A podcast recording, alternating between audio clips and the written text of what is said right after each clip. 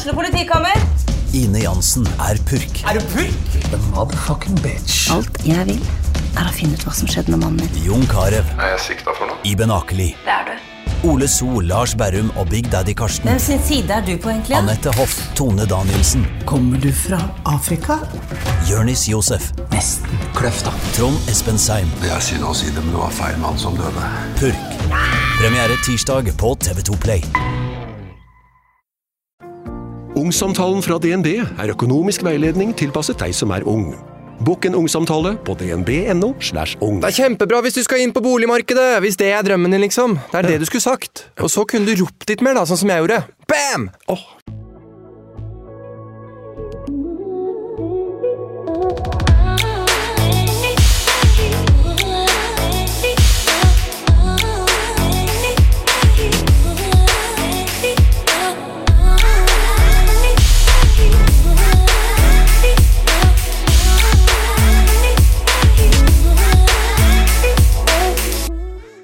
Kanskje du forbinder det å være psykisk syk med å være gæren. Kanskje du tenker at ingen av vennene dine sliter psykisk. Kanskje du tenker at du ikke kjenner noen med psykiske problemer. Men det gjør du. Garantert. Alle mennesker har en psykisk helse, og det må vi ta på alvor. Jeg vet at det er vanskelig å snakke om. Jeg vet at vi aller helst skulle vært flinke, pliktoppfyllende og på topp hele tiden, og jeg vet at det er en enorm skam knytta til psykisk helse. Jeg tror vi må snakke om det. Det er vanvittig mange som sliter der ute, og har det skikkelig dritt. Kanskje fordi de enten ikke tør eller kan prate om det. Kanskje fordi det er skam, fordi det ikke er akseptert, eller fordi man er redd. Redd for konsekvensene og redd for hva som kan skje. I september er temaet i podkasten min psykisk helse. Jeg skal få besøk av fire forskjellige mennesker med fire forskjellige historier. Kanskje kjenner du deg igjen i noen av de, kanskje flere av de. Kanskje det går opp for deg at du faktisk kjenner noen, eller kanskje du kan forstå hva man kan gjøre for å hjelpe en man er glad i. Forhåpentligvis kommer du i hvert fall til å føle deg litt mindre alene. Vi har jo alle kjent på det av dårlige dager, men hvordan er det egentlig når livet er helt mørkt? Hvordan er det egentlig å være innlagt på psykiatrisk? Hva, hva gjør egentlig at man velger å forsøke å ta livet sitt? I dagens episode får vi lytte til historien til Elisabeth. Hun er nestleder for Mental Helse Ungdom, Ytre Østfold, og brenner for mer åpenhet om psykisk helse. Selv har hun en diagnose som heter emosjonell ustabil personlighetsforstyrrelse. Hun har drevet med selvskading, hatt flere selvmordsforsøk, og hun har vært innlagt på psykiatrisk mange ganger. Og i dag skal vi få høre historien hennes. Velkommen, Elisabeth. Takk. Takk for at du ville komme hit. Jo, det var jo så lite. Og takk for at du vil dele med oss. Det setter i hvert fall jeg skikkelig skikkelig pris på. Det er bra. Jeg håper flere gjør det også. Det er jeg ganske så sikker på. Ja, jeg tror det. Ja. Vi satser på det. Ja. Men først, hvor gammel er du? Hvem er du? Hvor kommer du fra? Oi, det var mange spørsmål. Eh, Jeg er 20 år eh, og kommer ifra Rakkestad. Var det noen flere spørsmål som jeg ikke fikk med meg? Hva, hva gjør du? Vi hørte at du var nestleder for Mental Helse Ungdom. Ja, Ytre eh, Østfold, ja. Ytre Østfold. Mm. Eh, hva innebærer livet ditt nå, og hva innebærer den jobben du gjør der?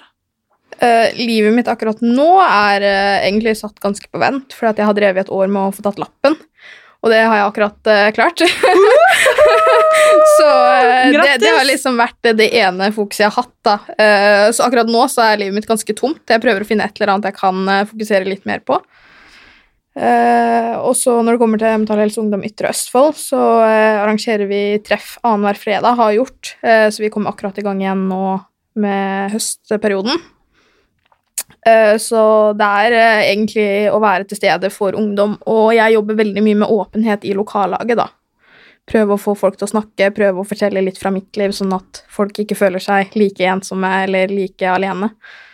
For det er jo det som er litt uh, målet mitt med podkasten også, Mm. og dette temaet her òg, Ja. og rett og slett bare prate om det. Mm. Fordi man Jeg tror det er viktig å prate om psykisk helse. Ja. Og jeg tror det er viktig å ikke bare legge ut et uh, filtrert bilde på Instagram og kalle det angst, liksom. Jeg tror det er viktig å prate om det litt dypere enn det også.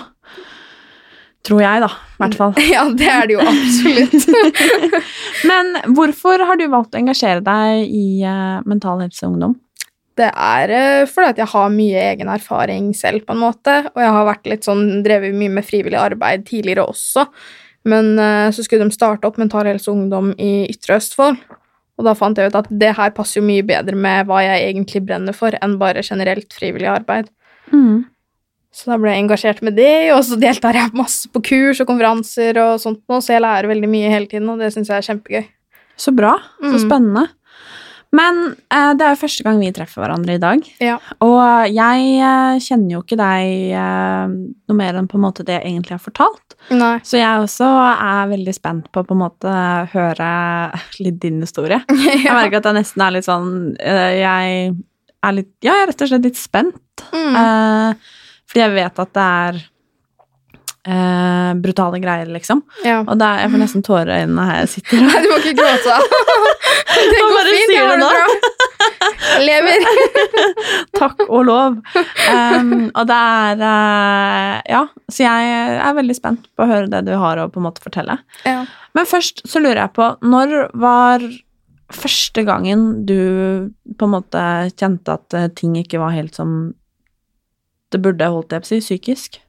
Jeg tror jeg har kjent på det nesten hele livet, i hvert fall fra tidlig på barneskolen. Jeg ble blant annet en del mobba, øh, og følte meg egentlig veldig annerledes enn alle andre. Jeg var liksom Jeg likte å lese og sånn, da, mens de andre de ville liksom være i lag. Så jeg syntes det var litt sånn vanskelig, for jeg følte meg litt utestengt. Eh, og da har det vel egentlig bare vært generelt utestengt på barneskolen, og liksom slutten av barneskolen så begynte jeg å føle at det var ikke så greit lenger. jeg ville også være med på livet, holdt jeg på å si. Mm. Så du kjente allerede i så tidlig alder? Ja. Mm. Når uh, var første gang du tenkte at uh, det ikke liksom fantes noe håp? Det var vel uh, også slutten av syvende klasse, begynnelsen av åttende klasse. Det er ganske ungt. Ja, jeg syns det er jo når jeg ser tilbake på det, men når, jeg var, når jeg var der, så var det jo ikke akkurat noe jeg tenkte på at oi, det er altfor ungt til at jeg skal føle det sånn, på en måte. Mm. Når jeg ser tilbake på det nå, så syns jo jeg også det er veldig ungt. Mm. Det er veldig skummelt, men uh, sånn er det. Ja. Men hva er grunnen til at uh, du på en måte hadde det litt tøft psykisk fordi at du ble utestengt og mobba på barneskolen? Ja, det var jo blant annet det, og så tror jeg at den diagnosen som jeg har, på en måte har vært underliggende hele tiden. Mm. For er, jeg tror det er den som har fått meg til å føle at jeg er litt rar og sånt nå, fordi at personligheten min er ikke helt samsvart med resten av befolkningen, holdt jeg på å si. For, fortell litt mer om diagnosen din. Hva er det, hva innebærer den? Jeg kan jeg egentlig ikke så mye om den selv heller, for å være helt ærlig, så jeg eh, trenger å lære litt, jeg også. ja, eh, den går vel, eh, vel ut på at man har mye svingninger i humøret, og mye selvmordsforsøk og selvskading og sånt noe, og vanskeligheter for å ta valg kan det blant annet være, og det med vi har en sånn svart-hvitt-tendens, da. Vi ser enten så er det bra, eller så er det dårlig, på en måte, det er ikke noe imellom. Og det blir jo veldig slitsomt etter hvert. Når du ikke kan ha en mellomting. Det er liksom Enten så må jeg ha en bra dag, eller så må jeg ha en dårlig dag. på en måte. Så det er mye det jeg jobber med i dag også, det er å prøve å få landa meg selv litt. Men hvordan eh, er på en måte en bra dag for deg? Eh, Hvordan våkner du Altså, hvordan merker du at ok, dette er en bra dag? Det er jo egentlig et veldig godt spørsmål. Eh, jeg har vel lenge bare tatt dagene som det kommer, så jeg tar liksom dag for dag, og så tenker jeg ikke noe mer på det. Jeg skal bare, hvis jeg har en dårlig dag, da så er liksom mentaliteten at jeg skal overleve den dagen her, og så tar vi det på nytt i morgen. Eh, men jeg har jo også bra dager, og som regel så er det de dagene hvor jeg har et eller annet å gjøre, for da slipper jeg å tenke så veldig mye på det som kanskje ikke er så bra. Er i dag en bra dag? Nei, absolutt ikke! Å nei! Den starta skikkelig dårlig når jeg skulle komme, med at jeg mista toget pga. angstanfall. Og så eh, finner jeg ikke fram og går, og det pøsregner. Det verste var at jeg sa rett før jeg gikk på toget, så sa jeg at nå må jo dagen bare bli bedre, for nå har den starta skikkelig dritt. men, men. Jeg hadde litt vondt av det. Ja. Fordi samboeren din ringte jo meg eh, Det er samboeren din? Ja. Ja. Samboeren din ringte meg eh, på morgenen i dag Mm. og sa at eh, nå har Elisabeth mista toget, for hun har liksom et angstanfall. Ja. Eller hun har hatt et angstanfall. Ja. Og jeg tenkte bare Det går fint. Eh, null stress. Sånn er det, liksom. Det er, Ja. eh, sånn er det. Og så begynner det å bøtteregne, og jeg vet at du surrer rundt her for å lette etter studio. Og tenkte bare at eh, oh-oh. Men ok, fra nå av da, så håper jeg dagen bare kan bli bare bli bedre. ja, jeg håper det. Men eh, for å stille det motsatte spørsmålet, da. Hvordan merker du at det er en dårlig dag? Eh, Det varierer også egentlig veldig, på en måte. Eh, Noen ganger så merker jeg det med en gang jeg står opp, og da vil jeg bare helst bli liggende i senga og ikke, ikke gjøre noe. Da er jeg sånn Nei, jeg vil ikke. Eh, Så det er litt vanskelig å få meg opp, da. Og da kommer jeg meg gjerne ikke opp før sånn ett-to på ettermiddagen, og da bare går jeg og ser gjerne på TV eller et eller annet, bare for å blåse i hele verden, egentlig. Eh, Mens andre dager så kan det starte veldig bra, og så plutselig så er det et eller annet som skjer i livet mitt, eller noe jeg syns er vanskelig, eller jeg kan få et angstanfall, og det på en måte kan avgjøre litt sånn hvordan dagen min blir resten, da. Men jeg eh, har prøvd å bli mye flinkere på egenomsorg. Så når jeg skjønner at ok, i dag har jeg en dårlig dag, så tar jeg litt ekstra vare på meg selv med å gjøre noe jeg vil, eller gjerne snakker om det med noen andre også, for å eh, liksom For at de skal være klar over åssen jeg har det, da. Det gjør det litt enklere for dem og for meg. Mhm. Men eh, du sa at første gang du på en måte merka at det var et eller annet, det var på Mm. barneskolen. Ja. Eh, hvordan var ungdomsskolen? Eh, kaotisk. Eh, jeg ble lagt inn eh, etter at jeg hadde gått ca. et halvt år på ungdomsskolen. Eh, jeg ble fortsatt mobba der. Ehm, og så eh, måtte jeg inn på institusjon eh, et år, det var 9. klasse. Og jeg hadde ikke lyst til å være på den institusjonen i det hele tatt, men jeg måtte. Eh, så det var et skikkelig drittår, for å si det mildt. Eh, og så prøvde jeg liksom å komme meg litt sånn tilbake igjen i 10. klasse, med, men da gjorde jeg det liksom litt mer i mitt tempo, da. Så jeg har liksom ikke så mye kunnskap fra ungdomsskolen, for jeg har gått veldig mye glipp av det. Mm. Hvordan, eller hvorfor ble det lagt inn første gang i åttende klasse? Eh, aller første gang så var det nok bare det at alt i hodet mitt var veldig kaotisk, og jeg så liksom ikke så veldig langt fram, da. Jeg tenkte at det er ikke noe fremtid for meg, og jeg kan ikke bli noe eller sånt når jeg har ikke noe å tilby samfunnet. Eh, så jeg hadde veldig dårlige fremtidsutsikter, og jeg slet veldig mye med lav selvtillit. Eh, og det gjorde liksom at jeg tenkte at jeg er ikke verdt noe, så hvorfor skal jeg da leve, på en måte? Å, herregud, jeg blir så trist. Nei, Ja. ikke bli det. Jo, det er Jeg bare tenker åttende klasse, liksom. Mm. Det er sånn at du har hele verden for dine føtter, og er Jeg ser jo at du er en skikkelig bra dame, liksom. Og jeg regner med at du har vært det hele veien. Ja, Jeg tror det, jeg håper Ja. det. Jeg liker å tro det. Det, og det, det, da gjør det meg så sykt trist, liksom. Men eh, hvordan var det å bli lagt inn på psykiatrisk når du var så ung? Eh, først så var det veldig skummelt, eh, og de andre som også var innlagt eh, samtidig som meg, de var jo gjerne litt eldre. De var fortsatt ungdom, men jeg var jo ganske ung, så de var jo liksom gjerne sånn 16-17 når jeg kommer der som 14-åring. Eh, så først så var det veldig skummelt, eh, og jeg skjønte Jeg følte meg litt gal, egentlig, når jeg først kom inn, for det, det er så sterilt. Det er liksom sykehus, sykehus, på en måte, men det er ikke sånn du forbinder med galehjem. Men det er mer sånn vanlig sykehus. Ja, for, for hvordan er det? Jeg har aldri vært på en psykiatrisk avdeling. Var det åpen eller lukket? Lukket. Lukket, ja. Mm. Hvordan, hvordan ser det ut, og hvordan er det? Uh, det var en sånn inngangsdør, på en måte, som eh, Den blir låst eh, når du går inn, og du må ha med en ansatt for å kunne låse den opp. Da, så, så fort du liksom kommer innafor den døra, så er du på en måte låst inne på avdelingen til du avtaler noe annet med en ansatt. da. Eh, og så har, hadde vi enkeltrom eh, med bad, så det var liksom Det var greit, for da har man på en måte et fristed, og så er det liksom en liten koselig stue og et lite koselig kjøkken hvor vi spiser felles måltider sammen, på en måte, så det er jo egentlig veldig trivelig der. Det bare er litt skummelt, og kan høres litt skummelt ut for de som ikke vet, da. Og det skjønner jeg. Ja, jeg skjønner det veldig godt. Hvordan, Sikkert dumt spørsmål, men hvordan klær har man på seg?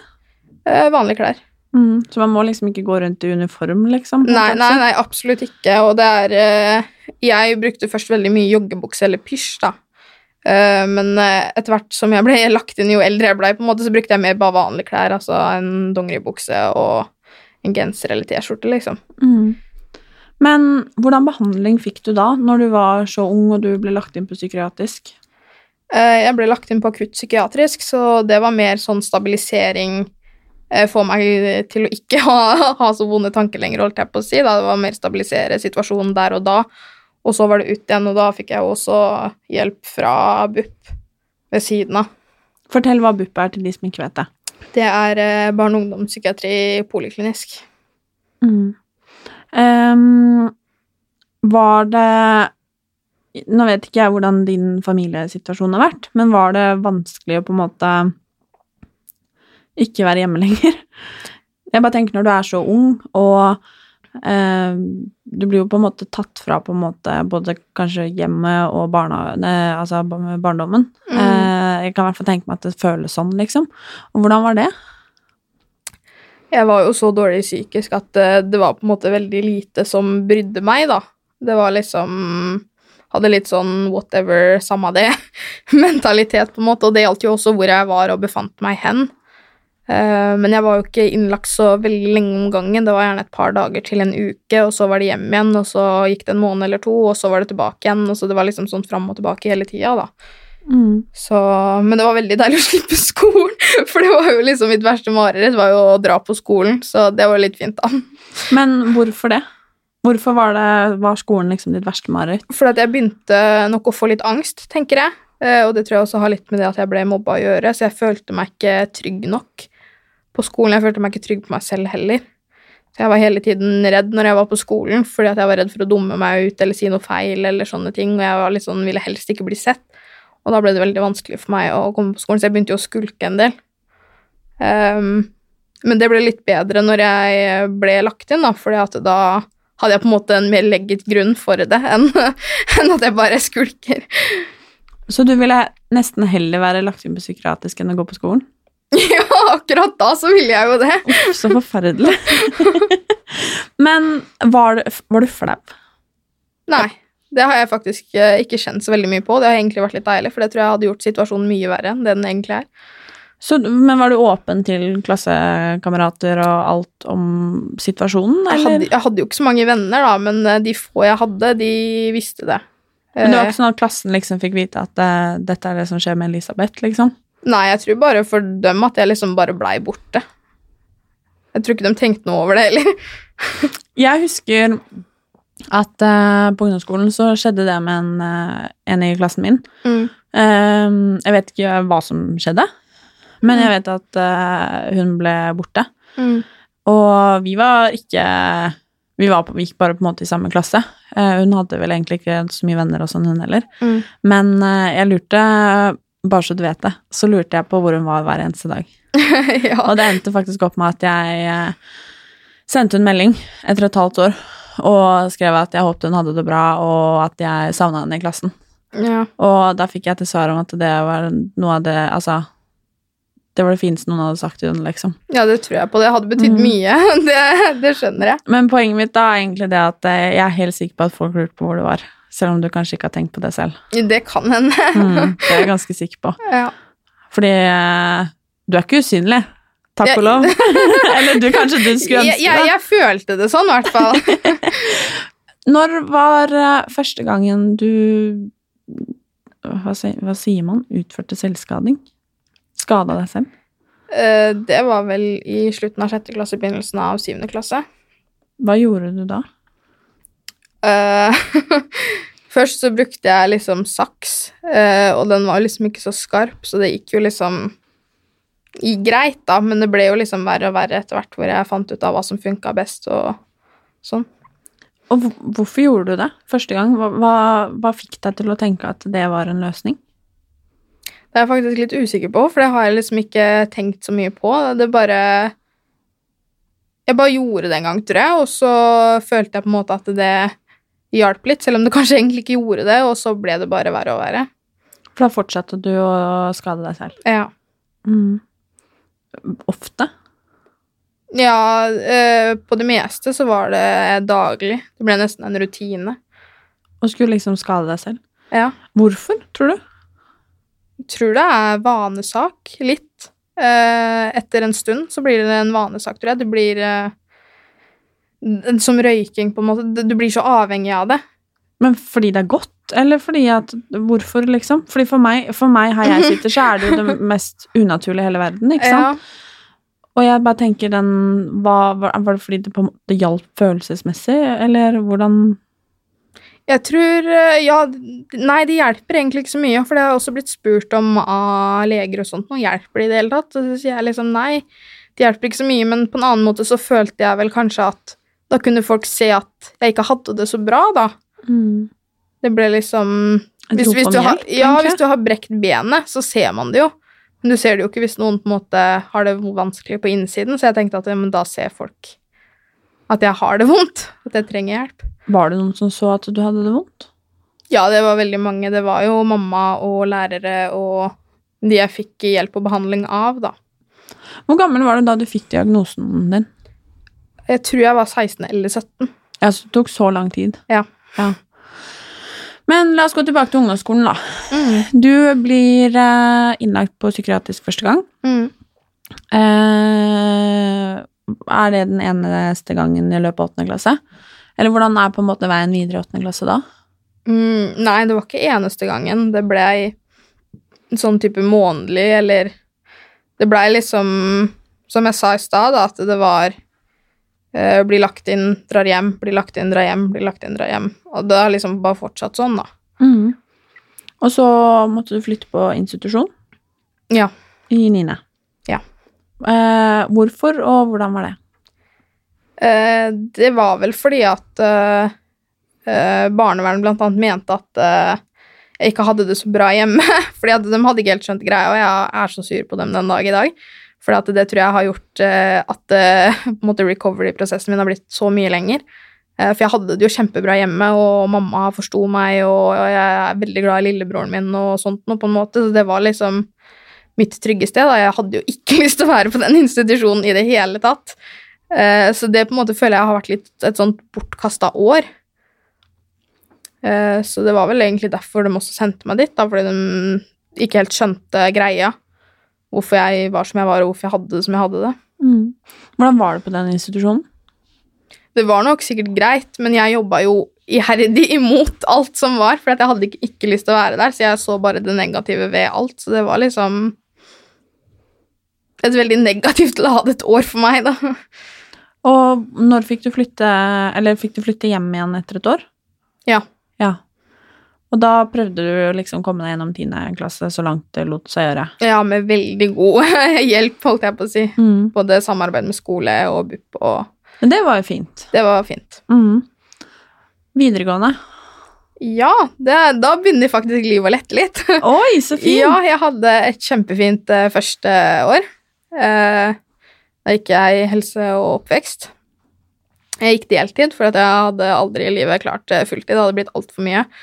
Og skolen var eh, ca. tre kvarter unna med bil, så det var liksom Det ble litt reisevei, da. Eh, og jeg ble jo veldig fort sliten av det, så det var helt greit at det bare var deltid, på en måte. Men det var en veldig tilrettelagt skole som eh, jobber konkret med folk som trenger ekstra veiledning, holdt jeg på å si ikke veiledning, da, men eh, ekstra hjelp til å klare skoledagene, da, med blant annet eh, De har miljøarbeidere, og uh, når jeg gikk der, så var det vel rundt en 60-70 elever maks på hele skolen. Så den var veldig tilrettelagt, så det gjorde jo at jeg faktisk klarte å gå ferdig både første og andre del av første klasse. Herregud, så fint. Ja. Hva med andre klasse? Uh, jeg starta, uh, og jeg var så stolt fordi jeg hadde klart uh, første klasse, så jeg starta fulltid. Eh, og det er kanskje det dummeste jeg noensinne har gjort, fordi at eh, etter noen måneder bare, så måtte jeg droppe ut. Mm. Så skole ligger fortsatt på vent, så jeg er litt sånn spent på hva fremtiden egentlig vil bringe, for nå har jeg måttet bare ta det litt med ro og finne ut av hvor jeg vil hen. Så du da har ikke Du droppa ut da etter noen måneder på, i andre klasse? Mm. Mm. Og hva har hverdagen bestått av da? Eh, Det har vært eh, behandling, eh, å finne ut av eh, saker og ting med Nav, blant annet. Det har ikke alltid vært like lett. Eh, heldigvis nå så jeg det litt enklere, for nå har jeg arbeidsavklaringspenger enn så lenge. Um, Så det har jo vært eh, type behandling, og så driver jeg fortsatt og krangler med behandlingsgreiene, fordi at eh, de hadde et tilbud til meg, men det måtte jeg dessverre takke nei til, fordi at eh, eh, det er i Halden, så det hadde blitt eh, en time for meg å komme meg dit og kjøre, da. Eh, og det hadde ikke jeg muligheten til, for jeg hadde jo ikke lappen ingenting, og det var litt da jeg starta med å ta lappen også, for at jeg kanskje kunne ta den behandlinga på sikt, da. Så, og da måtte de skrive meg ut, for da hadde de ikke noe annet å tilby meg. Mm. Når var sist du var innlagt på psykiatrisk? Uh, I fjor sommer. Hvorfor ble du innlagt da? Uh, det er jeg egentlig litt sånn usikker på. Det bare Plutselig så fikk jeg det veldig kaotisk, egentlig. Og det var litt angst, og det var litt sånn Bare en generell vanskelig situasjon, liksom. Jeg hadde det dritkjipt og var litt sånn usikker på hva jeg ville med livet og alt sånn, og da Da, da ble det på en måte løsninga der og da. Mm. Men det betyr at du har ikke vært lagt inn på over et år. Det betyr det. Og det er bra! Det er bra. Det er veldig bra. Det er et uh, veldig positivt steg, da. Ja. Tenker jeg i hvert fall. ja. Du har jo fortalt at du har prøvd å ta livet av deg flere ganger. Mm. Når var første gang du prøvde det? Det tror jeg også var i åttende klasse. Det var eh, Jeg hadde ikke prøvd å ta livet mitt eh, før jeg ble lagt inn på psykiatrisk, men eh, etter at jeg hadde vært lagt inn på psykiatrisk noen ganger, så prøvde jeg å ta livet mitt i hvert fall én gang. Hva Trenger på en måte ikke å forklare noen detaljer, liksom, men, men hva Hva tenkte du da? Jeg tenkte egentlig bare at nå har jeg ikke lyst til å leve lenger, på en måte. Det var eh, mye av det som på en måte allerede er sagt, da, at det var, det var ikke noe fremtid for meg, og jeg var ubrukelig og verdiløs, så hva skal jeg her i verden å gjøre, på en måte? Hva gjorde du? Hva jeg gjorde? Hva mener du? Hva, hva Altså, jeg bare tenker hva, Altså Når man tenker at man skal ta livet av seg, liksom Ja. hva, Hadde du tenkt på det lenge? Skjedde det liksom spontant? Eh, forberedte du noe? Altså, jeg Hvordan Det som er med den diagnosen jeg har, da, det er jo at man gjerne gjør ting på impuls. Så hvis jeg f.eks. plutselig får det kjempedårlig, så kan det på en måte være Neste løsning er å ta livet sitt, da, på en måte. I hvert fall det man tenker. mm. Så de fleste selvmordsforsøkene mine har vært på impuls. Mm. Hvorfor hvor, uh, gikk det ikke? Fordi at uh, jeg ba om hjelp. Ja. Å gud, det er jeg så glad for at du gjorde. da ga jeg beskjed om at nå har jeg gjort noe dumt, så nå, nå må jeg få litt hjelp. Så gjorde jeg jo det. Det er bra. Mm. Hvor mange ganger har du prøvd å ta livet av deg? I hvert fall en fire-fem ganger. Alt har vært på impuls? Ja, det har vel vært én gang som ikke var eh, på impuls, bare. Men har det da vært så mørkt at det på en måte har frista mer å dø enn å leve? Ja, absolutt. Og det er liksom Det er litt rart å snakke om det nå og egentlig se tilbake på det, for jeg har det litt bedre i dag, men jeg har fortsatt mange andre utfordringer som eh, folk kanskje ikke ser like lett, fordi at eh, Å, nå er du ikke så mye innlagt lenger, du selvskader ikke lenger, bla, bla, bla, men allikevel så er det utfordringer jeg har, da. Jeg har bare lært å takle dem litt bedre enn å ty til eh, selvmordsforsøk eller selvskading. Mm. Hvordan har det vært for de rundt deg? Eh, Jeg tror ikke det har vært så veldig lett for de eh, rundt meg, men de har vært utrolig støttende uansett. Da. Så jeg har jo vært eh, veldig takknemlig for det, og jeg har jo et kjempegodt forhold til familien min, og det tror jeg er litt fordi at de støtta meg såpass mye som de gjorde når jeg hadde det som verst, da. Selv om det kanskje ikke var så lett for dem heller, så setter jeg veldig stor pris på det de gjorde for meg, og det de fortsatt gjør for meg, da. Og du har jo samboer. Ja, det har jeg. Hvordan møttes dere? Eh, Vi møttes på eh, ungdomsskolen. Eh, Så det var jo en fin ting med ungdomsskolen, da, at jeg møtte henne. Og dere er fortsatt sammen. ja, det er vi. Hvordan har det vært for Nå kan jo ikke hun svare på det, men, men jeg har jo snakka med henne på telefonen i dag, så Ja. tillat meg å snakke litt om henne. Ja. Hvordan har det vært for henne å være pårørende, tror du? Eh, nå har ikke jeg lyst til å si så veldig mye, fordi det er på en måte ikke min, eh, min rette plass eh, å si, men hun er ganske åpen generelt òg, for hun er leder i Mental Helse og Ungdom Ytre Østfold. Så vi eh, driver på en måte litt sånn sammen, og det har egentlig vært kjempebra samarbeid, og folk har liksom tenkt ja, leder og nestleder og samboere, liksom. Det, det kommer ikke til å funke, men det har funka kjempebra, fordi at vi har hele tiden vært så åpne med hverandre, da, sånn at vi tør å si ifra hvis vi mener at det den andre gjør, er helt høl i huet, på en måte. Eh, Så hun har jo også slitt litt psykisk, på en måte, så mange tenkte at det her det kommer til å gå rett til helvete. To personer som ikke har det så bra, som liksom skal være sammen. Men eh, i vårt tilfelle så har det jo vært eh, det motsatte, for vi skjønner bedre åssen den andre tenker, på en måte, og vi veit mer ok, hva ville jeg at du skulle gjort hvis jeg hadde hatt det sånn nå. Så det har bare blitt vinn-vinn-situasjon, egentlig. Skikkelig gode støttespillere for hverandre, rett og slett. Ja. Så fint. Ja. Bra, sier jeg da. ja. Um, det er jo veldig mange som sliter psykisk. Mm. Både, og det var litt sånn som jeg sa innledningsvis, at alle har jo en psykisk helse. ja. Og jeg tror uh, alle på en måte har kjent på den en eller annen gang i løpet av livet. Noen mye, og noen litt. Mm. Og alle vet hvordan det er å ha en dårlig dag. Ja. Og oppleve noe dritt og ha vanskelige perioder, liksom. Mm. Har du hatt flere vanskelige enn gode perioder? Det tror jeg. Jeg er fortsatt ganske ung, så jeg tror nok at jeg har hatt det mer vanskelig enn jeg har hatt det bra. Eh, Men samtidig tenker jeg at nå har jeg hatt det så mye dårlig, så nå kan det jo egentlig bare bli bedre. Og hvis ikke, så gir jeg opp. Det er ikke noe håp. Det får du ikke lov til. Men ehm, når eh, var sist du skada deg selv? Det er ganske mange år siden, så det har jeg egentlig ikke helt eh, peiling på. Så bra. ja. Hva gjorde at du slutta? Eh, det var vel mer en Jeg hadde på en måte en sånn vilje til at det her hjelper ikke uansett, på en måte, så da kan jeg på en måte like gjerne slutte.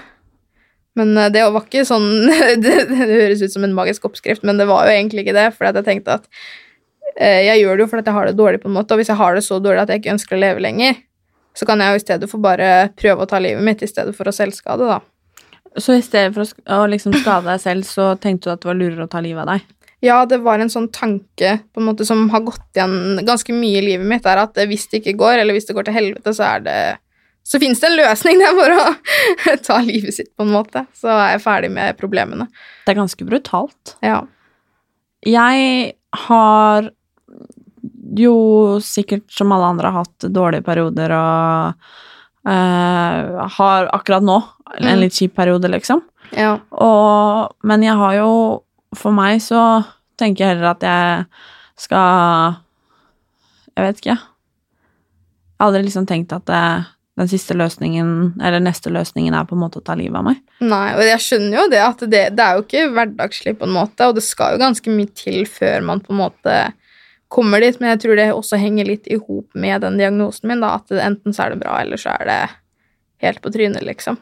Jeg har liksom ikke noe mellomting. Det er ikke noe sånn at 'Å nei, jeg kan ha en dårlig periode nå, men det blir bedre', eh, på en måte. Har jeg en dårlig periode, så kommer det til å være dårlig resten av livet. Men når du sa du fikk den diagnosen når du var 16-17, Ja. Hva, hva skulle på en måte til for å få den diagnosen? Jeg fikk den når jeg var lagt inn på psykiatrisk den ene gangen, eh, men jeg fikk ikke vite det før eh, jeg ble 18, for da måtte jeg søke meg inn på DPS i stedet for eh, BUP. Det er liksom voksenpsykiatrien for, for det, da, og da var det dem som ga meg den beskjeden om at jeg hadde den diagnosen. Og da følte jeg på en måte at ting ga litt mer mening, da, hvorfor jeg hele tiden tydde til selvmord som en løsning. Fordi at det er bare sånn hjernen min på en måte har lært seg til at eh, verden er svart-hvitt. Så jeg jobber liksom nå med at den er ikke svart-hvitt. Det kan finnes, grå, finnes eh, grå, grå episoder òg, holdt jeg på å si. Og lyserosa. Og lyserosa. Ja, det hender det òg. Når sola treffer deg i fleisen, og du Det hender at eh, jeg Eller jeg fikk en melding fra en jente på Instagram eh, eh, i dag morges, faktisk. Mm. som skrev at eh, at uh, alt var liksom så mørkt nå. Ja. Og hun lurte sånn på når det, når det skulle bli bedre. Mm. Og så satt jeg og tenkte på den uh, mens jeg var på vei hit, Ja. og liksom tenkte at det, det der med når alt er liksom er mørkt, da. Og så svarte jeg henne at uh, selv om Altså, sola skinner jo av og til. Mm. Selv om det ikke skinner inni oss, liksom, så skinner sola av og til, heldigvis. Ganske ofte, faktisk. Ja. Og når man har det skikkelig dritt, Mm. enten om man har en diagnose eller om man bare har en skikkelig, skikkelig drittdag, så tror jeg det er i hvert fall viktig å huske, huske på at den faktisk gjør det, liksom. Om man så kan minne seg på at den gjør det, om den gjør det i et minutt eller to, Mm. eller tre timer, at den gjør faktisk det, liksom. Ja. Eh, og faktisk prøve å minne seg på å bare se at livet er så sjukt mye mer enn det kaos man kanskje føler inni seg, da. Eh, sånn har i hvert fall jeg tenkt veldig ofte. Og jeg skjønner at det er skikkelig skikkelig vanskelig når man har en diagnose sånn som det du har, da. Mm. Og på en måte se de tingene at eh, For jeg er sånn Jeg kan bli glad når jeg ser andre mennesker eh, Sånn som i går, så så jeg en fyr reise seg på toget. For en eldre dame, liksom. Um, Det er små hverdagsgleder, det. ja, det er akkurat det. Og jeg bare Fy fader, så fint. Jeg ble Ja. bare sånn glad, liksom. Mm. Og det er så sykt mye fint med livet, da. Og så, tenkte jeg på Selv om det kanskje akkurat nå, eller om en uke eller et år, ikke er fint med akkurat hvordan jeg har det, så er det så mye fint rundt, da. Mm. Men for eksempel sånn som samboeren din, Ja. ikke sant? Det er jo sikkert altså, en drøm av en dame, liksom. Ja. Og, det og liksom, det er så mye fint, da. Selv om Å liksom prøve å se det. Mm. Jeg vet ikke. Ja, det er jo sånn at livet er jo på en måte en berg-og-dal-bane, og så må man jo liksom prøve å tenke at det blir, det blir bedre. Og noe som mamma sa til meg også når jeg slet veldig, så sa hun at det er egentlig veldig bra at du har det dårlig, for da veit du også når du har det bra. Det er sant. Ja, Tenk hvis du skulle hatt det bra hele tiden. Da hadde du jo egentlig ikke Det hadde vært så hverdagslig på en måte at du hadde ikke satt nok pris på det, ville jo jeg tenkt, da. Mm. Det er jo det som også er fint med at livet er en berg-og-dal-bane, for at da veit du åssen det er å ha det bra når du faktisk har det bra. Angrer du på noe av det du har gjort, sånn her du sitter nå, eller har det på en måte bare vært en løsning, og det er noe du må leve med? Nei, jeg angrer ikke. Jeg tenker egentlig at det har gjort meg mye sterkere. Um, og også at jeg faktisk eh, har muligheten til å hjelpe andre som er i samme situasjon, eller som ikke ser noe fremtid, på en måte. For jeg er et levende bevis på at eh, det går over, og livet er en berg-og-dal-bane, så du må liksom bare pushe deg selv litt gjennom det med støtte og hjelp fra folk rundt, så kan man alltids klare det på en eller annen måte.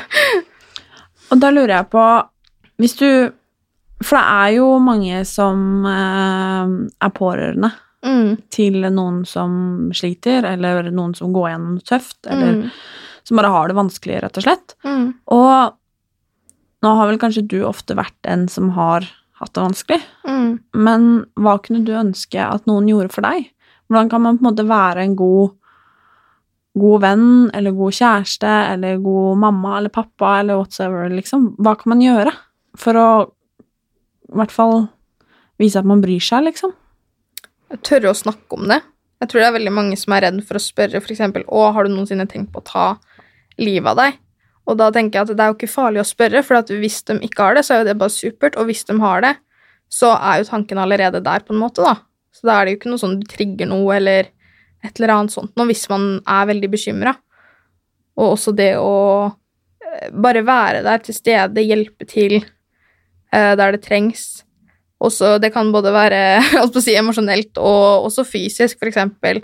Å, vil du at jeg skal være med deg til legen, eller et eller annet? Da snakk med den det gjelder, og hør hva den personen hadde trengt, da, fordi at det er så individuelt. Mm. Og hvis du skal si noe til noen som hører på nå, og som har det skikkelig, skikkelig, skikkelig dritt Ja. eh, Kanskje har tenkt på å ta livet av seg, eller som bare ikke helt vet hvor Eller vet når sola skal skinne igjen, liksom. Mm. Har du noe å si til de? Det blir bedre. det er liksom Det er ikke så mye annet å si, på en måte. Det blir bedre, og livet er, er en den berg-og-dal-bane, og du må ha noen dårlige perioder for å også kunne kjenne at du har det bra når du har det bra. Men eh, det går over, og det blir bedre. Man må bare holde ut litt. Er du glad for at du ikke har klart å ta livet av deg? Ja, det er jeg. det er veldig fint nå. Og det blir jeg så glad for å høre. ja. Det er skikkelig, skikkelig fint. Det er ganske rart å sitte her og se på deg, liksom. Og du er en så blid og flott jente, og Det er nerver. det er, er det det der? ja, litt. Jo, men du er jo skikkelig, skikkelig blid der Ja. du sitter, liksom. Og vi har det jo liksom Her sitter bare du og jeg, helt to liksom ukjente jenter i studio, og eh, cirka like gamle. Du er ett Mm. år yngre enn meg. Og, og så Det er så fjernt, liksom. ja, jeg skjønner jo det. Fordi at, eh, ja, for meg så er du en helt vanlig, helt rå jente, liksom. Og jeg tror kanskje det er litt det som er viktig å huske på også, Mm. når vi snakker om dette her, fordi at eh, jeg hadde aldri tenkt på det, Nei. ikke sant? Hvis jeg hadde sett deg, eller vi hadde truffet hverandre på kafé, liksom. Og jeg tror kanskje det er det som er litt viktig òg, å faktisk tenke på at det kan på en måte gjelde hvem som helst. Og dessverre så er det blitt ganske vanlig òg. Det er veldig mange som sliter. Eh, og det er, eh, det er litt skummelt, for du, hvis du ikke tør å snakke om det eller spørre, så veit du aldri hvem det er. Fordi at man kan være veldig flink til å skjule det. Man kan nesten bli verdensmester på å skjule at man ikke har det så bra. Mm. Wow. Hvordan håper du at livet ditt blir fremover? Ja, nei, si det. Ja, altså, som jeg har sagt, så tar jeg egentlig ting litt som det kommer. Jeg tar én dag av gangen. Eh, Jeg håper kanskje at jeg blir litt bedre psykisk. At jeg kanskje kan jobbe litt, om ikke fulltid, i hvert fall at jeg kan gjøre et eller annet fornuftig, da. Mm. Jeg heier i hvert fall skikkelig, skikkelig, skikkelig på deg. Ja, Jeg håper at du får det veldig bra. takk. Og det var en ære å få høre historien din. Og jeg er sikker på at mange der ute syns det samme. Ja, det håper jeg. Jeg håper det er litt til hjelp, i hvert fall, selv om det kanskje ikke er så mye. Det, det er til hjelp, Ja. og vi trenger faktisk å høre det. Ja. Det tror jeg. Mm, Jeg gjør i hvert fall det. ja. Tusen, tusen takk for at du kom, Elisabeth. Takk, takk, takk.